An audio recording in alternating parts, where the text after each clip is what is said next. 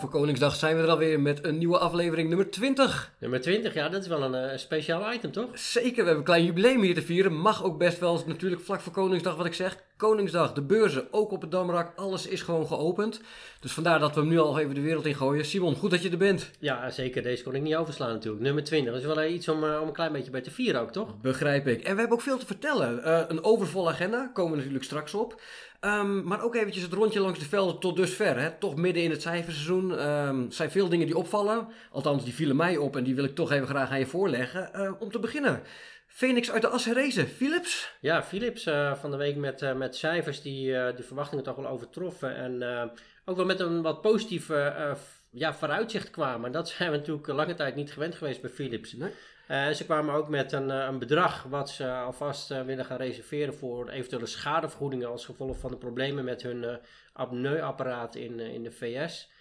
Ik vond eerlijk gezegd nog wel redelijk aan de lage kant en ik denk ook dat daarom beleggers ook heel positief op, op reageerden. maar in ieder geval een, ja, positief bericht een keer van, vanuit Philips. Ja, Philips natuurlijk een, een, giftige cocktail was het van grote rechtszaken in de VS, tegenvallende resultaten en hè, ja. techniek die een beetje in de steek liet, uh, wat we niet gewend waren.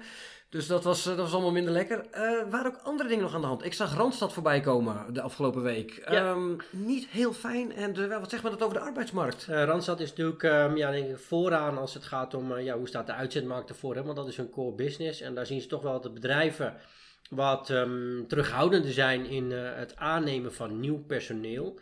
Uh, wat op zich ook wel logisch is. Als we kijken naar hoe de economie draait, hoe de arbeidsmarkt nu al krap is, dan is het ook logisch om te veronderstellen dat daar niet heel veel rek meer in zit.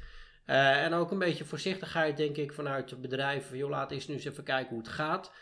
we zien ook een hele sterke tweedeling hè, in de economie. En dat is eigenlijk wereldwijd het geval is dat uh, de dienstensector. Dus hè, uh, alles wat we doen om uh, leuke avondjes of weekenden te beleven, daar geven we heel veel geld aan uit. Um, terwijl tegelijkertijd we minder geld besteden aan, aan goederen, aan spullen die we eigenlijk al tijdens de coronapandemie hebben um, um, ja, gekocht. dus ja, al met al een beetje een, een, een mixed, voorzichtig beeld vanuit de Randstad. Ja.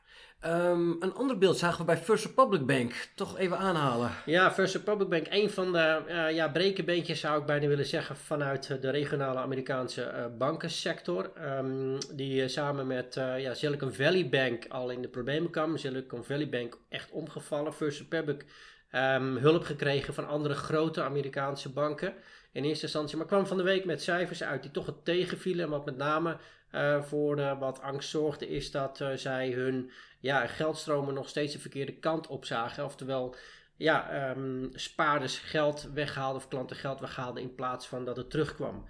het andere lag um, zwaar onder druk, halveerde even daarna. daar tegenover staat wel dat als we kijken naar bijvoorbeeld PacWest Bancorp, dat is ook een kleine regionale speler, daar zagen we een, een omgekeerd beeld. Cijfers die meevielen, uh, maar ook een stabilisatie tot zelfs een positieve instroom van gelden. Dus het is niet zo dat nu in één keer weer die hele bankensector in Amerika op, uh, ja, op knappen staat, om het zomaar uh, populair te zeggen. Um, het lijkt in ieder geval volgens tot ja, geïsoleerde problemen. Uh, waar er mogelijk best nog wel een aantal naar boven zullen. Geïsoleerde problemen bij lokale banken, maar houd toch de vinger aan de pols. Ja, dit, je ziet wel dat na een periode waarin de volatiliteit, ofwel de angstgraadmeter, uh, van bijvoorbeeld de S&P 500-index, de FIX-index, weer naar lage niveaus uh, was gedaald. Ja, dan zie je dat er maar een klein beetje hoeft te gebeuren om, om dat weer in beweging te zetten. maar zoals gezegd, ja, het kwartaalcijferseizoen tot nu toe is, ziet er gewoon ontzettend sterk uit. En daarmee doel ik op bedrijven uit de S&P 500. Er zijn tot nu toe 160 van die bedrijven geweest die de boeken open hebben gedaan. Daarvan heeft 82% de verwachtingen overtroffen van analisten. Uh, en zien we ook dat die winsten gemiddeld 6,5% hoger uitkwamen dan werd ingeschat. En we zien ook dat de omzetten hoger waren in veruit de meeste gevallen van die bedrijven. Dus je zag wel dat ja, de verwachting van analisten bij het ingaan van het kwartaalcijferseizoen waren heel laag. En we zien nu langzaamaan dat ook de verwachtingen uh, in de afgelopen 1, 2 weken, sinds we in het uh, kwartaalcijfer uh, circus zitten dat die weer naar boven worden bijgesteld. die hogere omzetten, daar kom ik ook nog even op terug inderdaad. Ehm, in de levensmiddelenbranche, daar gaat het ook heel erg lekker. Ik zag PepsiCo zag ik doorkomen, ik zag Danone doorkomen. Coca-Cola. Coca-Cola, uh, McDonald's, de snacks allemaal. Uh, er wordt flink gegeten, of althans de prijzen worden flink doorberekend. Ja, en dat is natuurlijk wat je ziet. Hè. Het is enerzijds dat die prijsstijging heeft geleid tot hogere omzetten in, in geld uitgedrukt, in dollars en euro's. Maar je ziet ook dat de volumes eigenlijk redelijk goed op peil bleven. Uh, en de marges van, uh, van die bedrijven ook uh, ja, niet te wensen overliet. Um, dus dat, ja, dat ziet er op zich best wel goed uit. Daar hebben we natuurlijk als consument wel mee te maken. Hè? Dus dat betekent dat die inflatie die, die er al was, um, wel dalende is of vertragende is, beter gezegd. maar nou, waarschijnlijk nog wel wat langer hoog zou kunnen blijven. En tot slot nog even het rondje langs de velden. Uh, Big Tech, we hebben Microsoft en Alphabet al gehad. We krijgen nog Amazon op Koningsdag. En Meta Platforms. Meta ook nog inderdaad. Uh, wat, wat zijn de eerste contouren daar? Ja, de eerste contouren zijn goed. Laat ik dat voorop stellen. Als we kijken naar de, de cijfers van Microsoft, maar ook de verwachtingen voor hun cloud business. En hetzelfde geldt voor uh, Alphabet voor wat betreft hun cloud business, maar ook de inkomsten van advertenties. Zien we daar toch een positieve ondertoon. Uh, en er wordt in eerste instantie, we hebben nu nog maar een indicatie van uh, de Microsoft voorbeurs. Hè. We nemen dit woensdagmiddag voor opening van Wall Street op. Maar het ziet er goed uit met een plus van 8%. Stemming bij Microsoft wordt wel ietsjes gedrukt nadat het bericht kwam dat de overname die ze hebben gepland van Activision Blizzard, een game um, producent, videogames, um, dat die door de mededingingsautoriteit in het Verenigd Koninkrijk uh, vooralsnog wordt geblokkeerd. En dat, um, ja, dat leidt in ieder geval voor Activision Blizzard wel tot een, uh, een lagere koers. En, en, drukt ook iets van de positieve stemming bij uh, Microsoft op dit moment. Dat kan ik begrijpen. Um, tot zover denk ik het rondje langs de velden. Heb jij nog zaken die je wil aanhalen? Ja, ik denk dat het wel aardig is om te melden dat wij uh, deze week op dinsdag ons maandelijks investment committee hebben gehouden. En daarin bespreken we natuurlijk altijd wat er in de wereld gaande is, zowel op economisch als op financiële marktengebied. Um, en komen we uiteindelijk met een conclusie voor wat betreft onze tactische asset allocatie. Dus hoe denken we hoe we de portefeuille op dit moment het beste in kunnen richten. En we hebben besloten om de neutrale weging voor zowel aandelen als obligaties op dit moment uh, om daaraan vast te blijven houden. Uh, reden daarvoor is, is dat we weliswaar hè, um, uh, onze ogen niet sluiten voor de, de risico's die er zijn op dit moment. Tegelijkertijd zien we juist dat economisch gezien het economisch momentum uh, op basis van bijvoorbeeld inkoopmanagers indices, maar ook huizenmarktcijfers uh, uit de VS bijvoorbeeld wijzen op juist een aantrekking van, uh, van economische activiteit en een recessie ja, zeker niet aanstaande is. verder zien we dat centrale banken wat ons betreft bijna klaar zijn met het dichtdraaien van de geldkraan en waarderingen voor risicovolle beleggingen, waaronder aandelen, zeker als je die afzet tegen veilige staatsobligaties, dat die nog steeds aantrekkelijk geprijsd zijn, ondanks dat we dit jaar redelijk goed zijn uh, begonnen. Waarvan acte, neutrale weging dus. Ja. Simon, tijd voor de kalender. Ja, man, een hele, hele rits aan, uh, aan cijfers. En uh, laat ik beginnen met morgenochtend, dus dat is Koningsdag. dan zitten wij natuurlijk allemaal op ons kleedje op de vrijmarkt bij net boven de 0 graden volgens mij. Dus Inderdaad. Ik zou een oranje bittertje zeker adviseren om, om daar op tijd mee te beginnen. Um, maar um, dan hebben we al uh, waarschijnlijk de cijfers uit uh, China gehad. Dan heb ik het over de industriële uh, of de winsten van industriebedrijven in, in China. Jaar op jaar cijfers worden daar verwacht. En krijgen we om 11 uur onze tijd. Volgens mij begint dan zo'n beetje de festiviteit in, waar zijn ze? Rotterdam, hè? Onze ja, familie. Um, cijfers over het economisch vertrouwen bij consumenten. Uh, of consumentenvertrouwen, het economisch uh, vertrouwen in de eurozone voor wat betreft uh, april. en gaan we door in de middag met ja, geen onbelangrijke cijfers. ten eerste de wekelijkse WW-aanvragen, maar ook een eerste schatting van eerste kwartaal groeicijfer voor, voor de VS. En er wordt een plus van 2% verwacht als we dat dan annualiseren. Dus kwartaal op kwartaal en dan eigenlijk keer 4. Um, ehm, 2%, dat is wel lager dan de 2,6 in het vierde kwartaal van vorig jaar.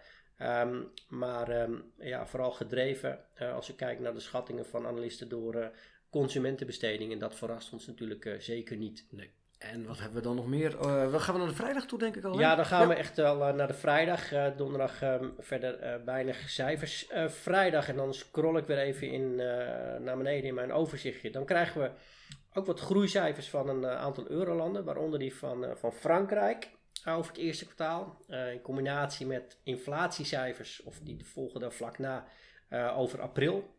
Um, Spaanse inflatiecijfers. En we hebben uh, groeicijfers uit Spanje, groeicijfers uit Duitsland, Italië. En inflatiecijfers uit, uit Duitsland. Dus dat is weer van belang voor, ja, voor wat de ECB volgende week gaat doen. Um, en is het smiddags de beurt aan de VS, waar we cijfers krijgen over het inkomen en uitgaven van Amerikanen voor de maand maart maar ook hè, de belangrijke PCE-deflator, oftewel hè, de favoriete inflatie-indicator van, uh, van de Fed. De Fed kijkt mee en wij doen het ook. Uh, gaan we het weekend in? Ja, dan gaan we het, uh, het weekend in. En um, niet voordat ik heb gezegd dat we vrijdagochtend vroeg, ik heb hier namelijk geen tijd bij staan wanneer ze precies komen, maar ook de Bank of Japan met hun rentebesluit komt. Dus dat krijgen we natuurlijk, zal dat net voor opening van de Europese beurzen zijn. Uh, met de, de nieuwe um, gouverneur van de Bank of Japan kijken of die zijn, ja, de koers gaat wijzigen. Wordt niet verwacht eerlijk gezegd, maar je weet maar nooit. En dan gaan we naar maandag. Dan is het 1 eh, mei, de dag van de arbeid. Maandag, dag van de arbeid, zijn veel beurzen gesloten. Hè, dus dan zijn we wel weer aan het werk, maar beurzen dicht. Een beetje het omgekeerde van Koningsdag. Uh, voor wat betreft de Nederlandse markt. Um, en dan uh, hebben we onder andere Ehm, de ISM manufacturing um, uit de VS. Dus dat is een, ja, weer een andere income managers index, in dit geval van de productiesector, die een indicatie geeft over het wel en mee in die Amerikaanse productiesector. Gauw door naar de dinsdag. Dinsdag doen we het met um, Nederlandse inflatiecijfers. Die komen s ochtends vroeg al. Om half zeven staan die uh, in mijn uh, agenda. Um, en um, ja, eigenlijk volgend op een reeks van, uh, van andere inflatiecijfers hè, die, die we deze week al hebben gekregen. Scroll ik naar beneden en dan zie ik ook de inflatiecijfers voor de eurozone als geheel voor de maand april. En dat is natuurlijk met name belangrijk voor, ja, als input voor de, voor de ECB. Zeker. En de woensdag? Woensdag, dan gaan we kijken naar onder andere ja, dat is uh, wel aardig, want uh, het is een drukke week, maar uh, hebben we ook het loon of het arbeidsmarktrapport van loonstrookjesverwerker ADP in Amerika. En dat is natuurlijk vooruitlopend op het officiële arbeidsmarktrapport van april, wat vrijdag komt. En hebben we woensdagavond, um, nee, niet voordat ik zeg dat we ook nog de ISM Services Index hebben, dus Income Index van, van de dienstensector. En om 8 uur onze tijd uh, hebben we het rentebesluit van de Fed. Zijn, er, zijn er al eh, verwachtingen? Ja, die verwachtingen die zijn heel duidelijk. Die wijzen eigenlijk op één uitkomst. En dat is een verhoging van de beleidsrente nog met een kwartje. Van 5% naar 5,25% voor wat betreft de bovenkant van, uh, van hun officiële bandbreedte. En um, daarmee denken wij dat, uh, dat ze wel um, ja, um, klaar zijn met het renteverhogen. Oké. Okay. De donderdag. Donderdag, dan, ja, ik heb net natuurlijk al een paar dingen verklapt, maar we hebben ook nog um, de inkoopmanagers indices van uh, Spanje, Italië, uh, Frankrijk definitief zijn het dan, Duitsland en uh, Eurozone, want die hebben we namelijk al eerder gehad, hè, vorige week. Um, en um, ja, wat ik zei, de uitkomsten van het rentebesluit van de ECB. En de daaropvolgende persconferentie met Christine Lagarde als, uh, als aanvoerder van, uh, van de ECB. Um, ehm, Hoe zit de ECB in de wedstrijd? Wat ja, kunnen we daar verwachten? Dat, een halfje tot een kwartje. Uh, als ik kijk nu naar de markt, dan ga ik heel even snel, snel spieken. Want ik had hem hier niet, niet zo 1, 2, 3 opstaan. Maar dat kost mij een paar seconden. Kijk. Daarvoor zijn die hele mooie systemen die prijzig, maar wel heel erg uh, um, helpen bij het inschatten. Kijkt nu naar wat er verwacht wordt, een ja, verwachting van 31 basispunten. Nou, dat kan natuurlijk niet, hè, want dat zou dan een kwartje zijn plus een beetje. Ja, ja dus, op de markt verdient uh, misschien, maar... um, dan is het um, afgerond een, een kwartje wat er, wat er wordt verwacht op dit moment. Oké. Okay. nog meer voor de donderdag of kunnen we naar de vrijdag? Uh, voor de donderdag hebben we dan nog uh, de wekelijkse WW-aanvragen in, in de VS. En dan gaan we inderdaad door naar, naar de vrijdag. En sluiten we de week af met toch wel wat um, ja, belangrijke cijfers ook. Ten eerste s ochtends vroeg al uit China. De uh, inkoopmanagersindices zoals die worden verzameld door nieuwsdienst Kijkzin. Dat is dan weer een particulier, particulier of semi-particulier initiatief, beter gezegd. um, hebben inkoopmanagersindices van de productiesector uh, in uh, Frankrijk, of uit Frankrijk, initiële productiecijfers uit, uit Spanje. en dan ga ik nog even wat verder naar beneden. en dan, ja, ik had het natuurlijk al verklapt. Um, ook het officiële arbeidsmarktrapport uit de VS. Um, daarvoor worden nu 180.000 nieuwe banen verwacht in de niet-agrarische sector. Dat is dan een stukje minder weer dan de 236.000 van maart. Uh, maar toch wordt verwacht dat de werkloosheid maar uh, 1 tiende oploopt van 3,5 naar 3,6. En wat ik zelf belangrijk vind naast die werkloosheid, die wat mij betreft wel langzaamaan een klein beetje mag oplopen, want dat haalt de druk van de inflatie en de krapte van de arbeidsmarkt weg. Um, is uh, inderdaad, wat ik net al zei, die, die uurlonen. Nou, daar wordt verwacht dat die op maandbasis 0,3% zijn gestegen. Maar ik ben vooral um, benieuwd naar hoe dat op jaarbasis zich ontwikkelt. Want dat zou hè, nog wat minder reden of de reden of de druk op de vet weg kunnen halen om inderdaad die rente uh, nog verder te verhogen en het even bij een pauze te laten. Maar goed, dat horen we misschien woensdagavond al van Jerome Powell zelf. Inderdaad, we gaan deze week meemaken. Een nieuwe maand gaan we in, dus ook heel veel macrocijfers. En dan is er ook nog het bedrijvenfront. Jo, het is echt gigantisch, want ik denk dat het echt aan het uh, zwaartepunt gaat van het kwartaalcijferseizoen. Uh, in de week van 27 april, dus Koningsdag, tot en met uh, volgende week vrijdag 5 mei. Zijn we trouwens vrij, hè? 5 ja. mei officieel. Ja, het is vrijdag, maar ja, de beurzen... De beurs gaat ja. gewoon door, die houden daar geen rekening mee. En uh, zijn het 389 bedrijven uit de S&P 500, de Stock 600 index en de AX-index die uh, de boeken open doen. Dus dat zal ongetwijfeld weer tot, uh, tot wat koersuitslagen leiden. En um, ja, dat gaan we zien. Laat je niet verrassen als actieve belegger. Heb je nog een paar hoogtepunten op wie je extra gaat letten? Ja, even kijken. Want ik weet uit mijn hoofd, ik heb net gekeken dat Apple komt, komt donderdag. Um, en uh, voor die tijd hebben we ook nog wel een uh, aantal interessante namen hoor. Um, kijkend naar morgen, of ja, morgen bijvoorbeeld hebben we Amazon bijvoorbeeld en Intel die met cijfers komen. Dus toch nog wel een aantal big IT-namen. Um, dan uh, vrijdag zijn het uh, Exxon uh, Mobil en Chevron, dus oliebedrijven. Ja. niet onbelangrijk. Maandag NXP, Semiconductors, staat genoteerd op de Nasdaq, maar ehm, echt wel een Nederlands bedrijf vooralsnog. dan hebben we, ja, ik pik even de leukste namen eruit hoor. Ook wel de Nederlandse namen, Wolters Kluwer bijvoorbeeld op woensdag. Zijn ook niet te stoppen, hè? Die gaan ook. Uh... Ja, is eigenlijk, je hoort er niet zoveel over. Nee. Vaak is dat, als het een saai bedrijf is, zijn dat de beste beleggingen. Ja, ja maar prijzig, hè? Goed, ja, kwaliteit heeft zijn prijs, zou ik bijna willen zeggen. Maar um, ja, heeft eigenlijk door al die jaren heen erg goed gedaan. Um, dan zit ik even met donderdag al te spieken. Busch. Uh, als je van een biertje houdt, dan zou ik daar zeker even op letten. Of je daar aan bijgedragen hebt aan, aan hun winstcijfers.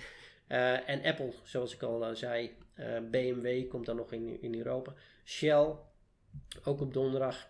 En schuif ik hem door naar de vrijdag. Dan zie ik nog Intesa San Paulo.